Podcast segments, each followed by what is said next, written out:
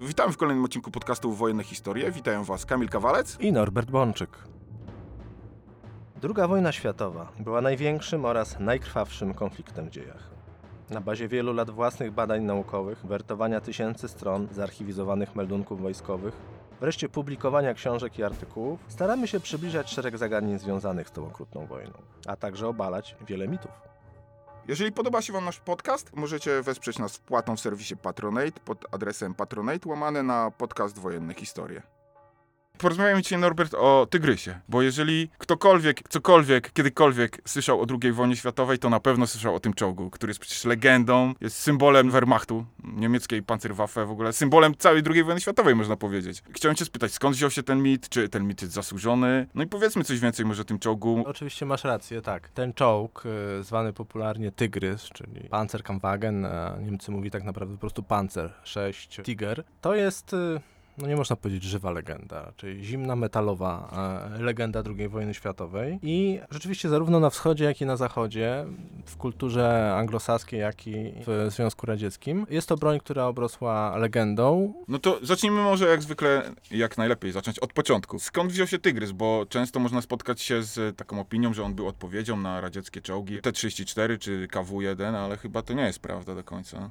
No, to w ogóle nie jest prawda, tak? Dlatego, że on nie był żadną odpowiedzią, bo po prostu powstał wcześniej. Historia Tygrysa zaczyna się w latach 30. jeszcze XX wieku, jeszcze przed wybuchem II wojny światowej, kiedy Niemcy zaczęli projektować nowe, przyszłościowe wersje swoich czołgów i wtedy panowało przeświadczenie, że podstawowy czołg y, niemieckich dywizji pancernych, czołg średni, powinien mieć masę 20 ton, natomiast rzadszy czołg wspierający, przełamujący, czyli czołg ciężki, powinien mieć masę około 30 ton. I Tygrys na deskach kreślarskich jako projekty zaczynał jako czołg 30-tonowy. Zakładano wówczas, że będzie on uzbrojony w armatę 75 mm, a jego pancerz czołowy będzie miał 50 mm.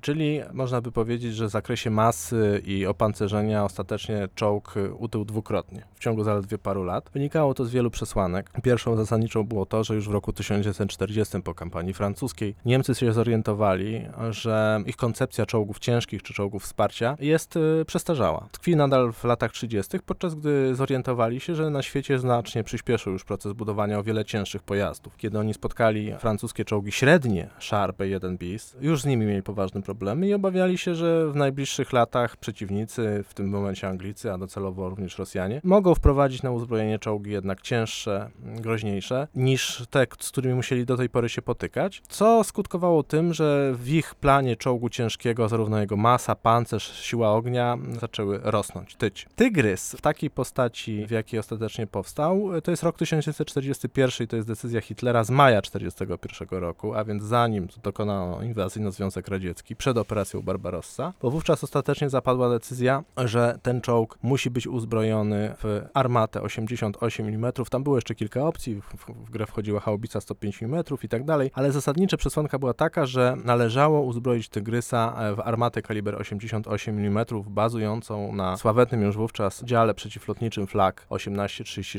Dlaczego wybrano właśnie to działo? Ze względu na jego uniwersalny charakter, to znaczy armata 88 mm w swojej pierwotnej wersji była armatą przeciwlotniczą, która również nadawała się do ognia stromotorowego, czyli do ostrzeliwania celów e, lądowych i również się okazało, była doskonałym narzędziem do walki z czołgami przeciwnika. No i wreszcie ta armata nadawała się również do ostrzeliwania celów obszarowych, e, schronów, obiektów tego rodzaju piechoty, a jak pokazuje statystyka, aczkolwiek nie niemiecka, tylko aliancka, 80% celów dla czołgów w czasie walki nie stanowią czołgi, tylko inny obiekt. Koncepcja tego czołgu w dwóch rywalizujących ze sobą zespołach konstrukcyjnych, to znaczy Porschego i, i, i Henschla, była gotowa co do podstawowych elementów już w roku 1941. Plan był taki latem 1942 roku, że to czołg Porschego ma trafić do produkcji. Ostatecznie nie trafił, bo był zbyt skomplikowany. Był to czołg hybrydowy. Dzisiaj hybrydy są modne w motoryzacji. To była właśnie taka hybryda, tylko że czołgowa, gdzie bezpośrednio koła napędowe napędzały silniki elektryczne, ale te silniki elektryczne potrzebowały również silników spalinowych, więc to była dosyć ciekawa konstrukcja. Konstrukcja i oprócz 100 pierwszych egzemplarzy, których większość przerobiono na działa samobieżne, to, to ten czołg nie zaistniał. Natomiast wygrała konstrukcja bardziej klasyczna, czołg firmy Henschel, potentata w ogóle wielkiej firmy przemysłowej e, Niemiec. I to podwozie od tego czołgu znany dzisiaj jako Tygrys, natomiast wieża, co ciekawe, konstrukcji Kruppa, bo Krupp zaprojektował wieżę dla czołgu typu Porsche, okazało się, że ta wieża jest ok i tą wieżę przyjęto na uzbrojenie czołgu Henschel, czyli Henschel chciał inną wieżę, a dokładnie tą, którą później dostała Pantera, natomiast Porsche miał tą wieżę i to właśnie wieża, wieża z czołgu Porschego mm, trafiła na podwozie Henschla i też znowu taka ciekawostka, jeżeli pojedziemy do Bovington w Wielkiej Brytanii, tam jest jeden z zachowanych czołgów Tygrys, jeden z najwcześniejszych i on, co ciekawe, ma wieżę oryginalną, wyprodukowaną pierwotnie dla czołgów Porsche. To znaczy jest to jedna z pierwszych wież, zamówiona jeszcze przez Ferdynanda Porsche dla swojej konstrukcji, a potem przerobiona z napędu elektrycznego na napęd hydrauliczny, osadzona na, na, na, na kadłubie czołgu typu Henschel i w ten sposób się zachowała. Czy Tygrys charakteryzował się czymś, czego nie posiadały ówczesne czołgi, może oprócz masy? Może zacznę troszeczkę od tyłu i w taką wprawię cię może małą konsternację, chociaż ty to wiesz. Kiedy Tygrysa jeszcze nie było, to znaczy w latem 1941 roku, kiedy armia niemiecka ruszyła na wschód i spotkała Armię Czerwoną wyposażoną w czołgi T-34 i KW, to wówczas Niemcy zdziwili się bardzo. Zdziwili się bardzo, dlatego że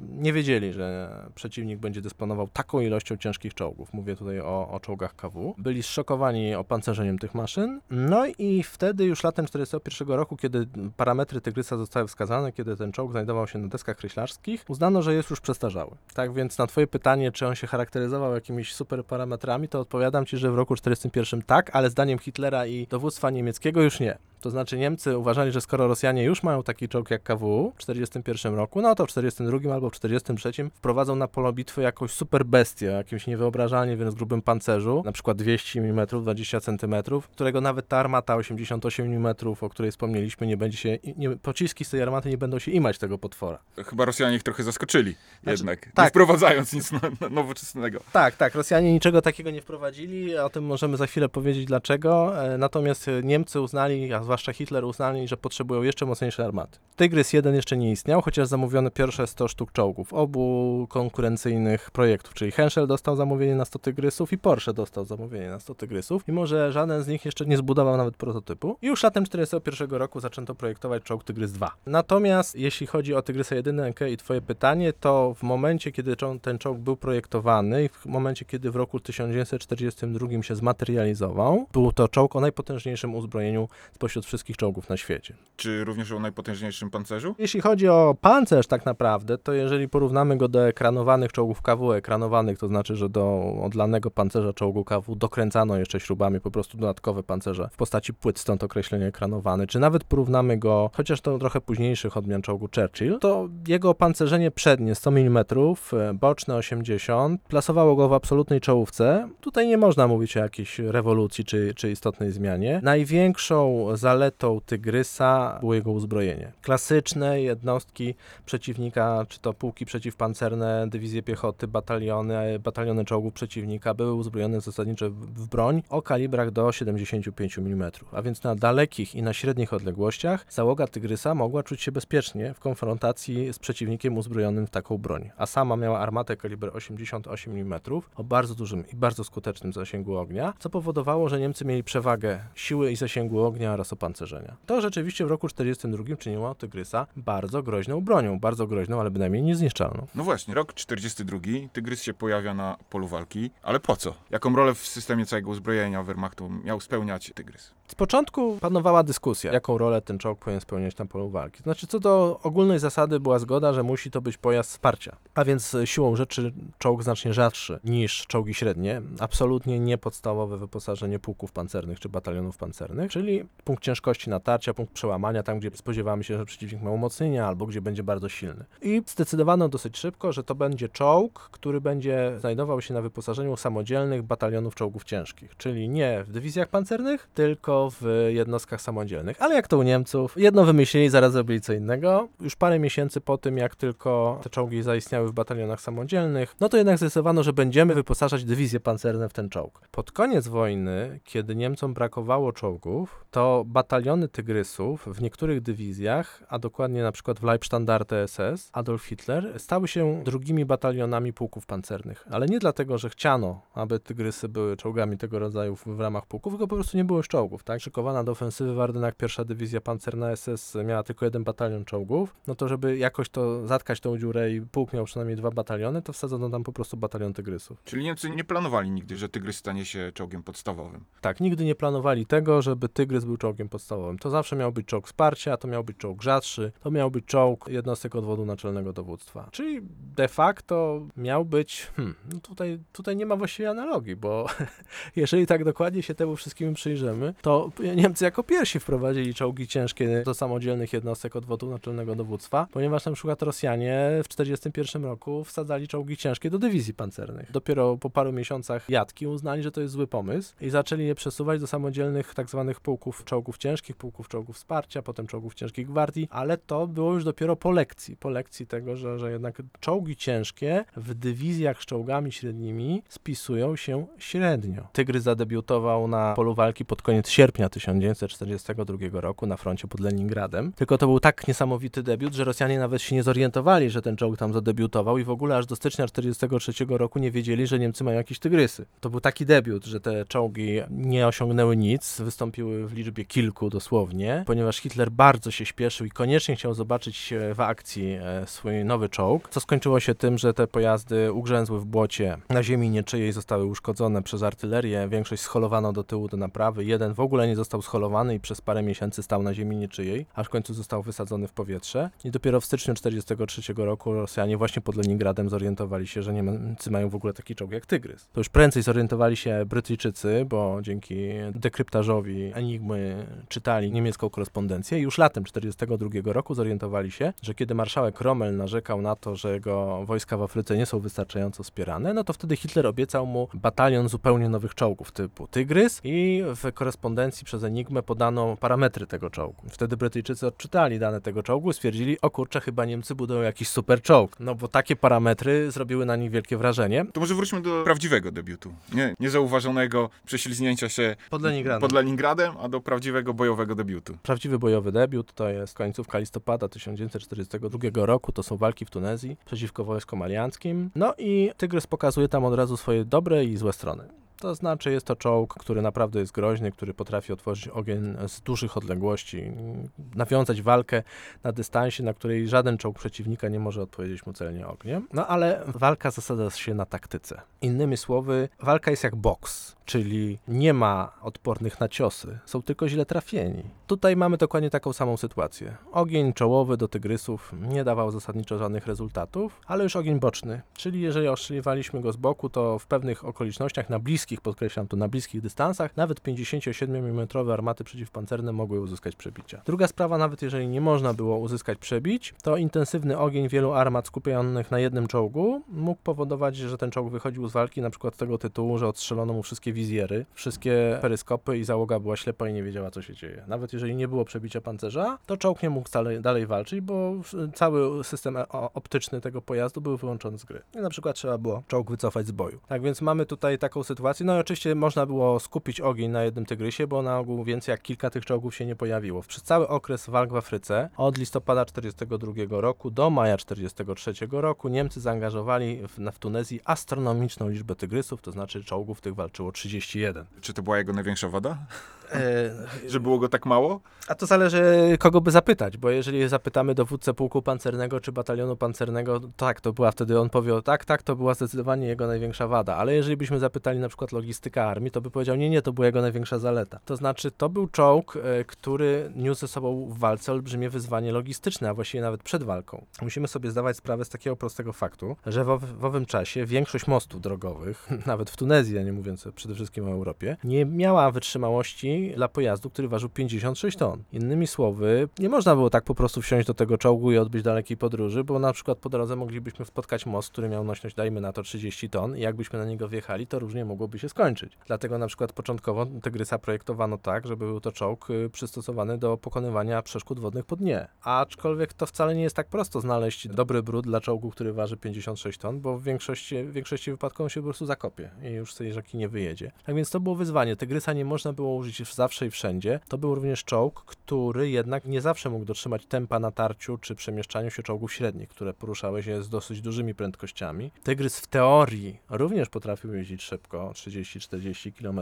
na godzinę, ale w praktyce rzadko kiedy jeździł szybciej niż 20. No jeżeli jego kompanii w postaci czołgów Panzer III, które wówczas były podstawowym pojazdem, jednak śmiało pokonywały przestrzeń z prędkością 40, 50, 60 km, no to w pewnym momencie tworzyło to problem, tak? Czołg ciężki zaczynał odstawać od czołgów średnich. One nagłe m- mogły wejść do walki i podjąć bój główny w momencie, kiedy on był tam gdzieś parę ładnych kilometrów z tyłu, no i za bardzo nie mógł pomóc. No, jak był tylko parę kilometrów, to jeszcze nie byłoby tak źle, ale jak na przykład kilkadziesiąt, to już gorzej. No niemniej w roku 42 ten czołg robił tak zwany efekt wow. To znaczy, ten czołg wzbudził strach. Już pod koniec 1942 roku zaczęto te czołgi wysyłać również do odtwarzanego wówczas we Francji e, korpusu pancernego SS i te czołgi z tym korpusem pancernym SS w niewielkich ilościach pojawiły się w, w bitwie o Charków w okresie luty-marzec 1943 roku, no sprawdzając się tam bardzo skutecznie. To znaczy zimą z roku 1942 na 1943 rok narodziła się legenda Tygrysa. Ona się narodziła na froncie wschodnim i to narodziła się po obu stronach. Po stronie niemieckiej narodziła się między innymi pod Charkowem, gdzie załogi niewielkiej liczby Tygrysów mogły się pochwalić naprawdę imponującymi efektami bojowymi, nie tylko w walce z czołgami przeciwnika, ale przede wszystkim jako czołg wsparcia, czyli do tego został zaprojektowany. W paru dywizjach takich jak e, Das Reich, e, Totenkopf, Leibstandarte mieliśmy po kompanii takich czołgów. Pojawiła się też kompania takich czołgów dywizji Grossdeutschland, to jeśli chodzi o wojska HER. No i tak jak powiedziałem, w samodzielnych batalionach 501 batalion, bo te bataliony Tygrysów miały numerację od 501. 501 batalion Tygrysów walczył w Afryce, a 502, 503 batalion walczyły na froncie wschodnim. I na odcinku ukraińskim rzeczywiście przyczyniły się do, do stabilizacji frontu, do ustabilizowania tego wszystkiego, co działo się po Stalingradzie. Tam się narodziła niemiecka legenda Tygrysa, czyli sławny przypadek walk pod Rostowem, kiedy pojedynczy czołg y, otrzymał y, kilkadziesiąt trafień y, z armat przeciwpancernych, kilkaset z różnic przeciwpancernych, a mimo to nie wyszedł z walki. Sami Niemcy widzieli, że Rosjanie strzelają do nich z armat 76 mm pułkowych, które każdego Panzer 3 czy Panzer 4, no może by nie zdmuchnęły, ale by stale i trwale wyeliminowały z walki. Natomiast tutaj nie, Rosjanie strzelają, strzelają, a ten czołg walczy dalej, więc to robiło wrażenie. A z drugiej strony e, wreszcie Rosjanie w styczniu 1943 roku pod Leningradem zorientowali się, że tam są jednak te tygrysy. Że stoi, że on paru miesięcy tam Na- stoi. Znaczy ten, co stał, to już się nie zorientowali. Ten, ten, ten nie, ten Niemcy ostatecznie wysadzili, on tego Ro- Rosjanie znaleźli dopiero w 1944. Natomiast w styczniu 1943 roku jeden z tygrysów po prostu wyjechał na drogę na terenie, gdzie była Armia Czerwona. Załoga wpadła w panikę, bo się nagle zorientowała, że jest wśród Rosjan i uciekła z tego czołgu. I wtedy również Rosjanie przeżyli szok, bo nagle się okazało, że Niemcy mają czołg, który przewyższa ich czołgi. Oni w roku 42, na przełomie 42 i 43 roku, decydowali już o powolnym wycofywaniu czołgu KW z produkcji, ale już w roku 42 wprowadzili jego modyfikację, odmianę S, która była lżejsza niż poprzednie KW. Nie miała już ekranowanego pancerza, miała słabszy pancerz. Był to czołg po prostu lżejszy, ponieważ Rosjanie uznali, że z przyczyn taktycznych czołgi KW się nie sprawdzają. Są za ciężkie. To z tego, że mają super opancerzenie, względnie super opancerzenie, jak są po prostu za ciężkie i ich użycie nadstręcza określonych poważnych problemów taktycznych. W związku z czym nakazano albo odchudzić konstrukcję, albo w ogóle wycofać ją z produkcji. No więc Rosjanie ją ostatecznie odchudzili. I wydawało się, że, że to na razie będzie wystarczające. Natomiast kiedy się nagle w 40, styczniu 1943 roku zorientowali, że jest tygrys, no to uznali, że no, coś trzeba z tym zrobić. Uznali, że najlepszym sposobem na tygrysa będzie armata 85 mm przeciwlotnicza, którą wówczas mieli. Czyli de facto uznali, że muszą w swoich czołgach zrobić to samo, co zrobili Niemcy. Czyli zamontować armatę przeciwlotniczą kalibru mniej więcej 85-90 mm,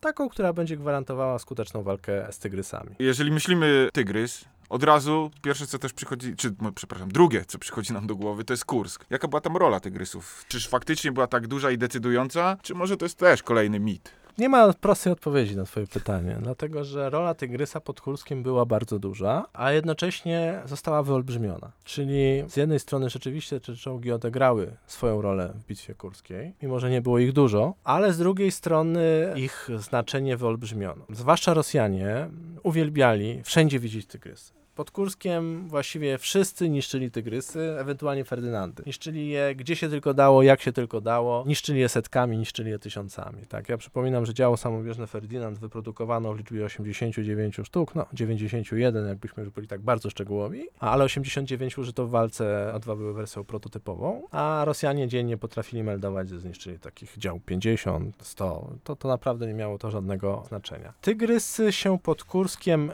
sprawdziły, ale jednocześnie ukazały wszystkie swoje ograniczenia. Atakowały zarówno w, na północy, czyli w pasie 9 Armii generała Modela, jak i e, razem z Ferdynandami, chociaż nie bezpośrednio obok siebie. To też trzeba podkreślić, że tam, gdzie nacierał batalion Ferdynandów, tam nie nacierał batalion Tygrysów. I nie było takiej opcji, że w jednym miejscu stał spalony Tygrys i Ferdynand. Każdy batalion miał swój pas natarcia i działały na kierunku południowym. Tam był korpus SS y, z dywizji Leibstandarte, das Reich Totenkopf, tam był, był batalion Tygrysów wojsk lądowych, była dywizja Grossdeutschland z włas- własnymi Tygrysami. No i to był czołg użyty jako broń przełamania, czyli dokładnie do tego, czego został zaprojektowany. I rzeczywiście bardzo ciężko było go wyeliminować czołgom przeciwnika, bardzo ciężko było pod Kurskiem wyeliminować Tygrysa armatą przeciwpancernym. Natomiast znacznie lepiej radziło sobie z eliminowaniem Tygrysa, chociaż nie trwale, tylko przejściowo, pola minowe i e, mokradła. Najlepszym przykładem ograniczeń Tygrysa e, to jest użycie trzech czołgów w pasie trzeciego korpusu pancernego pod Kurskiem, gdzie w pierwszych trzech dniach ofensywy cały batalion właściwie wyszedł krótkotrwale, ale wyszedł z walki, bo wszedł na pole minowe. Innymi słowy, miny nie mogły zniszczyć Tygrysa, ale mogły uszkodzić mu gąsienicę, mogły uszkodzić mu układ jezdny, no i czołg trzeba było odholować na tyły i nie walczył. My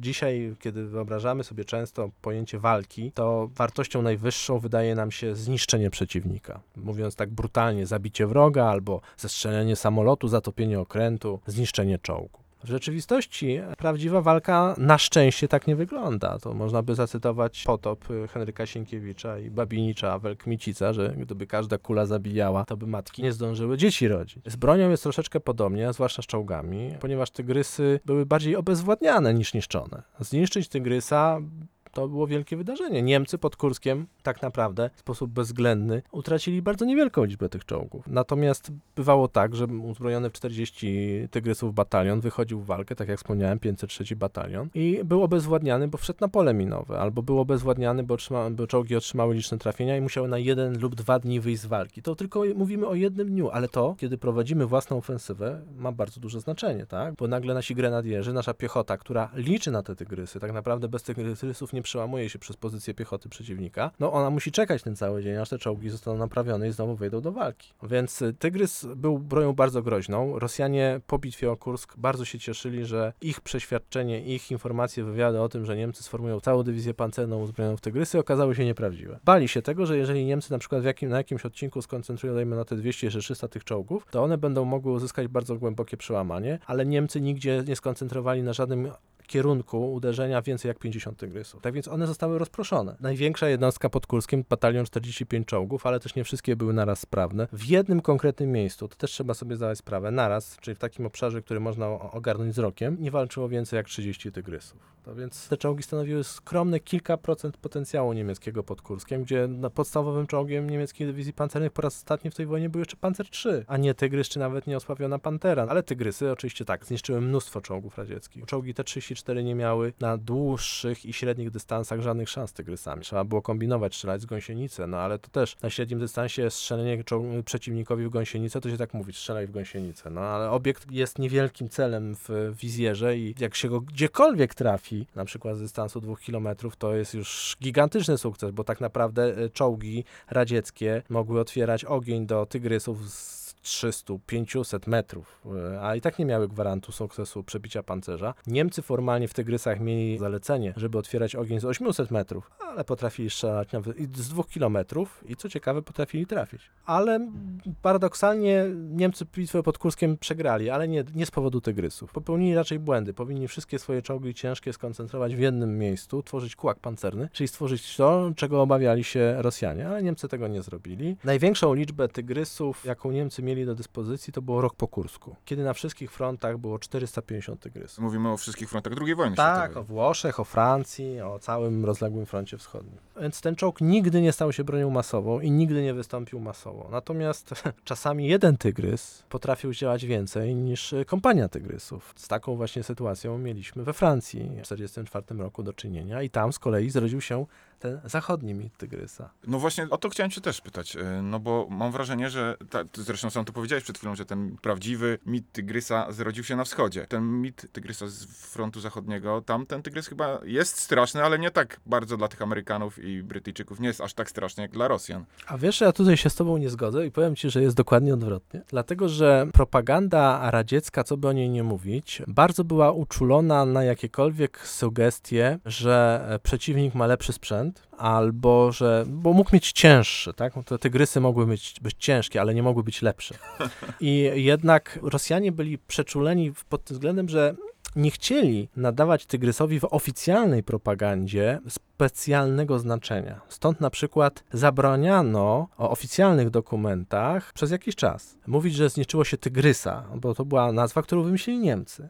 Należało mówić, że się zniszczyło T6, no bo był to Panzer 6, tak? Więc Rosjanie oczywiście tak, zniszczenie Tygrysa było najważniejsze. Wszyscy wiedzieli, że zniszczenie Tygrysa to jest to, co każdy bojec musi zrobić, ale jednak w oficjalnej propagandzie Tygrysa nie wyolbrzymiano. To znaczy mówiono, no Niemcy mają takie czołgi ciężkie, ale nie przesadzajmy, my i tak my jesteśmy lepsi. Troszeczkę inaczej było na zachodzie. Może również z tego tytułu, że tam więcej do powiedzenia mieli prości żołnierze. To znaczy tam można było mm, bardziej oprzeć się emocjach, a nie tylko na oficjalnej propagandzie. Tygrysy w roku 44 we Francji teoretycznie nie były już bronią, której Amerykanie czy Brytyjczycy powinni się bać. Teoretycznie, tak, bo były już takie czołgi jak Sherman Firefly, czy zwykły czołg Sherman, e, ale z armatą e, w nowej odmianie, z armatą 76 mm, które miały w teorii, w praktyce bywało różnie, ale w teorii dysponowały one już siłą ognia, która spokojnie pozwalała na obezwładnienie Tygrysa strzałem od czoła. Bo w roku 44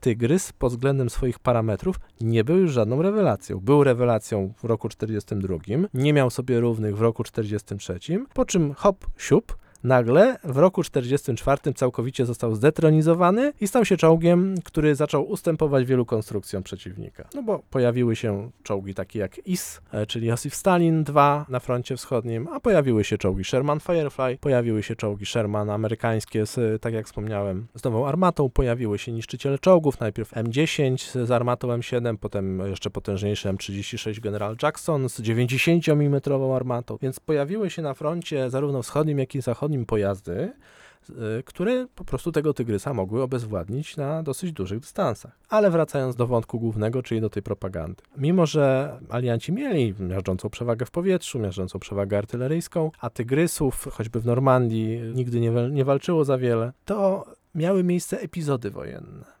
podkreślam słowo epizody, które pod względem propagandowym, emocjonalnym, pod względem wyobraźni uczyniły Tygrysa no, taką właśnie bronią tej najwyższej półki. No, Oczywiście przede wszystkim sławny pojedynek w miasteczku Villebocache, nomen omen 13 czerwca 1944 roku, kiedy jeden czołg Wittmana stoczył ten mityczny pojedynek z jednostkami 7 Dywizji Pancernej Brytyjskiej, choć tak naprawdę walczył w sumie z dwoma kompaniami czołgów, z kompanią piechoty i tak dalej, a no ale jednak jeden czołg, który obezwładnił kilkanaście czołgów przeciwnika, transporterów pancerzonych i tak dalej, zaatakował zaskoczenia, wywołał panikę i tak naprawdę szarża tego czołgu miała znaczenie operacyjne, bo brytyjska operacja okrążenia Caen wówczas się załamała i miasto zostało zdobyte dopiero miesiąc później a, niż, niż planowano. Więc to starcie pod Villebocache urosło do rangi mitu. Po takich wydarzeniach jak Villebocache narodziła się ta ostateczna straszliwa legenda Tygrysa, czyli broni bestii, którą strzelamy do niej strzelamy, a ona nic. Pociski odpijają się jak piłeczki ping-pongowe od pancerza i, i nic nie możemy zrobić, mimo że prawda jest taka, że Anglicy w końcu tego Tigera Wittmana w tym Villebocache usiekli. Nie zabili załogi, załoga wyskoczyła z czołgu i sobie poszła, ale czołg został obezwładniony. Potem zaraz dwie godziny później, kiedy Brytyjczycy obsadzili miasteczko, Villebocache została zaatakowana przez całą kompanię Tygrysów, która dostała straszne manto i pięć czołgów zostało zniszczonych w czasie tego zupełnie nieudanego ataku. No ale Brytyjczycy mieli już, że tak powiem, takie poczucie zagrożenia, bo inne jednostki już nie uzbrojone w Tygrysy zaczęły okrążać ich w, w tym rejonie, że się wycofali z tego Villebocache i Niemcy to Villebocache zajęli na, na kolejne dwa miesiące tak naprawdę. Czyli można powiedzieć, że było to groźne narzędzie walki, które jednak miało tylko momenty i zostało zapamiętane z tych momentów tak naprawdę. Z Tygrysem to jest troszeczkę tak, że rzeczywiście momenty uczyniły go legendarnym, natomiast to była bardzo dobra broń do pewnego momentu. Momentu. Bo wyścig zbrojeń II wojny światowej był bardzo dynamiczny, bardzo groźna broń w roku 42-43, a w roku 44 była już powiedzmy taką bronią przeciętną, w roku 45 ten czołg był już de facto przestarzały, więc to pokazuje skalę i tempo zmian, tak? W momencie, kiedy Rosjanie po zdobyciu tego Tygrysa pod Leningradem przebadali go i stwierdzili, no to my musimy mieć czołgi z odpowiednio silnymi armatami. Kiedy w roku 44 pojawia się czołg IS-2 z olbrzymią e, armatą kaliber 122 mm, no to to zmienia już na przykład taktykę walki Tygrysów na froncie wschodnim. Do wiosny 44 załogi Tygrysów czuły się względnie bezpieczne, wręcz bezczelnie bezpieczne na froncie wschodnim, bo podjeżdżały na przedpole i obserwowały teren. Tak? Nie bały się, że nagle Rosjanie wystrzelą im z czegoś, co ich zniszczy. Od wiosny 44 roku, kiedy pojawiły się czołgi IS-2, już tak nie można było, bo już przeciwnik dysponował bronią, która mogła zdmuchnąć takiego Tygrysa z przedpola. Ale to, że Niemcy do roku 44 taką mieli też pewność i zaufanie do tej broni, no pokazuje, że to była wartościowa broń. Wartościowa broń, natomiast to była rzadka broń. Tygrys 1 powstał w czasie II wojny światowej w niewielkiej liczbie 1350 sztuk. To naprawdę nie jest dużo, jeżeli to porównać z prawie 50 tysiącami Shermanów. To nie jest dużo nawet jeżeli to porównać z 6 tysiącami Panther, czy 10 tysiącami sztuków. Mówię teraz o, o czołgach niemieckich, a więc Tygrys był bronią rzadką. Ale już jak się pojawił w jakimś miejscu, to potrafił zrobić sporo zamieszania. Oczywiście zdarzały się też przypadki odwrotne, kiedy Tygrysy zawodziły i tam, gdzie się pojawiały, wcale nie nosiły sukcesu. No ale to, to jest właśnie walka, taktyka. Można powiedzieć, że na polu walki nic nadzwyczajnego. To już jest jak zwykle e, idealne podsumowanie. Natomiast słuchaczom, którzy mieli pewien niedosyt, e, dlaczego nie mówimy na przykład o Tygrysie 2, stwierdziliśmy z Norbertem, że na pewno nagramy o tym odcinek, bo to jest na tyle ciekawa broń II wojny światowej, że warto mu poświęcić cały odcinek w przyszłości. Jeszcze nie, nie wiemy kiedy. Postaramy się różnego rodzaju ciekawym konstrukcjom również poświęcać e, wybrane odcinki naszego podcastu. Także dziękujemy wszystkim za, za uwagę i jeszcze raz zapraszamy na naszą stronę na Facebooku podcast Wojenne Historie, gdzie możecie przeczytać ciekawe historie, te, o których tutaj właśnie rozmawiamy. Dziękuję Ci ślicznie Norbert za dzisiejszą rozmowę i do Ja następnego również, razu. ja również dziękuję. Hej. Dziękujemy za to, że byliście dzisiaj z nami. Czekamy na uwagi o tym odcinku zarówno na Facebooku, jak i na Instagramie, jak też i na YouTubie. Wszędzie tam możecie nas znaleźć wpisując naszą nazwę, czyli podcast Wojenne Historie. Dziękujemy Wam bardzo również za wsparcie, jakiego udzielacie nam w serwisie Patronate. To dla nas niesamowita sprawa i daje nam to niezwykłego kopa do dalszego działania. Bardzo za to dziękujemy i do usłyszenia do następnego odcinka.